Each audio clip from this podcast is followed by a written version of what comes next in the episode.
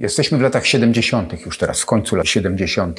Jesteśmy na Białostoczyźnie, zdjęcia Anki Musiałówny, która opowiada o szpitalu psychiatrycznym w Choroszczy. To są jej pacjenci, a szczególnie o jednym takim zjawisku niezwykłym, polegającym na tym, że zabrakło miejsca w tym szpitalu, więc tych lżej chorych po prostu rozparcelowano po miejscowych wsiach, po całej okolicy, w domach prywatnych u ludzi zamieszkali i tak około 170 osób. Te domy zostały trójkątami oznakowane, żeby miejscowi wiedzieli, gdzie mieszka, za przeproszeniem, no, w cudzysłowie, wariat, nie?